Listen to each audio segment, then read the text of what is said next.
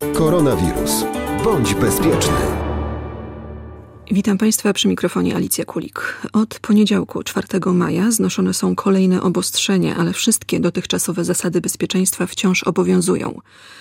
Od poniedziałku otwarte będą hotele i miejsca noclegowe, galerie handlowe z ograniczeniem jednej osoby na 15 m2 i z wyłączeniem miejsc rekreacji i punktów z jedzeniem.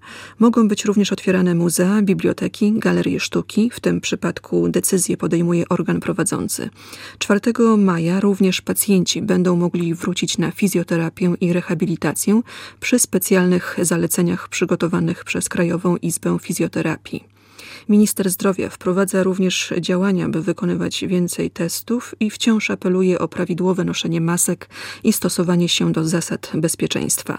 A teraz o tym, że przychodnie, w których przyjmują nasi lekarze rodzinni, są otwarte, choć działają inaczej, i o tym, jak przygotować się do telefonicznej porady medycznej z lekarzem rodzinnym. Z tymi pytaniami zwracam się do doktora Zbigniewa Czarniawskiego, pediatry, specjalisty chorób płuc i medycyny rodzinnej z przychodni W Olsztynie?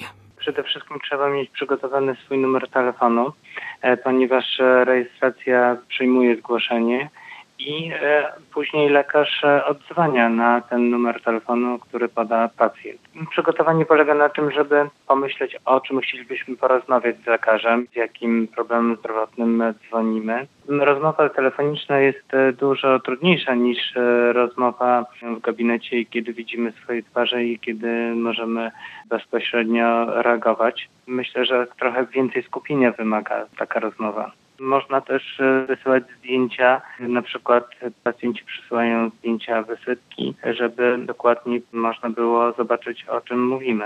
A jak jest z małymi dziećmi? Pan jest e, pediatrą? Jeżeli chodzi o te leporady, to rzeczywiście czasami są sytuacje proste, kiedy można łatwo pomóc przez telefon. Natomiast e, często staram się obejrzeć to dziecko w gabinecie, więc po zebraniu wywiadu przez telefon zapraszam do przychodni, do gabinetu i tutaj już badam dziecko i decyduję jak pomóc. A co z takim przekonaniem, które panuje wśród niektórych pacjentów, że ich przychodnie są zamknięte? Rzeczywiście wielu pacjentów uważa, że przychodnie są zamknięte i w związku z tym taka była sytuacja, że jeden z pacjentów poszedł do nocnej opieki, mówiąc, że jego przychodnie jest zamknięty i on nie mógł się dostać. My bardzo nie chcemy, żeby pacjenci chodzili do nocnej opieki czy gdziekolwiek, ponieważ tam ryzyko zarażenia się jest dużo większe niż u nas w przychodni. Wiemy, że u nas procedury są przestrzegane i po prostu chciałbym, żeby przekaz był taki, że poradnie lekarzy rodzinnych są otwarte. Zamknięcie przychodni polega na tym, że nie każdy może do niej wejść. To jest podyktowane troską o pacjentów przede wszystkim. Okazuje się, że wielu pacjentów zaraziło się COVID-19 w placówkach ochrony zdrowia.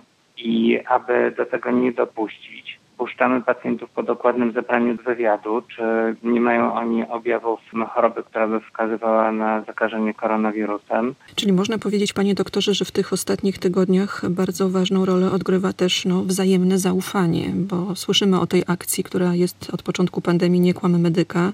Z czegoś ta akcja się wzięła? Oczywiście, że tak zaufanie w głównej mierze do tej pory opierało się na zaufaniu pacjenta do lekarza, a teraz częściowo zostało przeniesione również na drugą stronę, a więc lekarz musi mieć zaufanie do pacjenta, że jeżeli pytamy go o coś, to mówi rzeczywiście prawdę pierwszy krok, jaki trzeba wykonać, to trzeba zadzwonić, bo część ludzi nadal przychodzi, puka do drzwi, my mamy domofon, więc dzwonią do tego domofonu i mówią, że na przykład chcieliby się zarejestrować do lekarza. A tu problem polega na tym, żeby zadzwonili najpierw. My zwiększyliśmy liczbę numerów, jest jeden dodatkowy i ono rozładowuje jak gdyby całą sytuację. Jeżeli ktoś potrzebuje pomocy w przychodni, to zapraszamy, ale wielu ludzi nie potrzebuje takiej pomocy, bo dzwonią na przykład, że mają kaszel i katar i szef powiedział, że mają wziąć zwolnienie. Wypisujemy im zwolnienie zdalnie, wypisujemy leki zdalnie, a jeżeli ktoś mówi, że ma jakieś bóle brzucha lub bóle w klatce piersiowej, no to wtedy umawiamy konkretnie na godzinę. Wtedy staramy się, żeby tylko ten jeden pacjent był w przychodni. Pierwszy krok, który trzeba wykonać, to trzeba zadzwonić do swojej przychodni.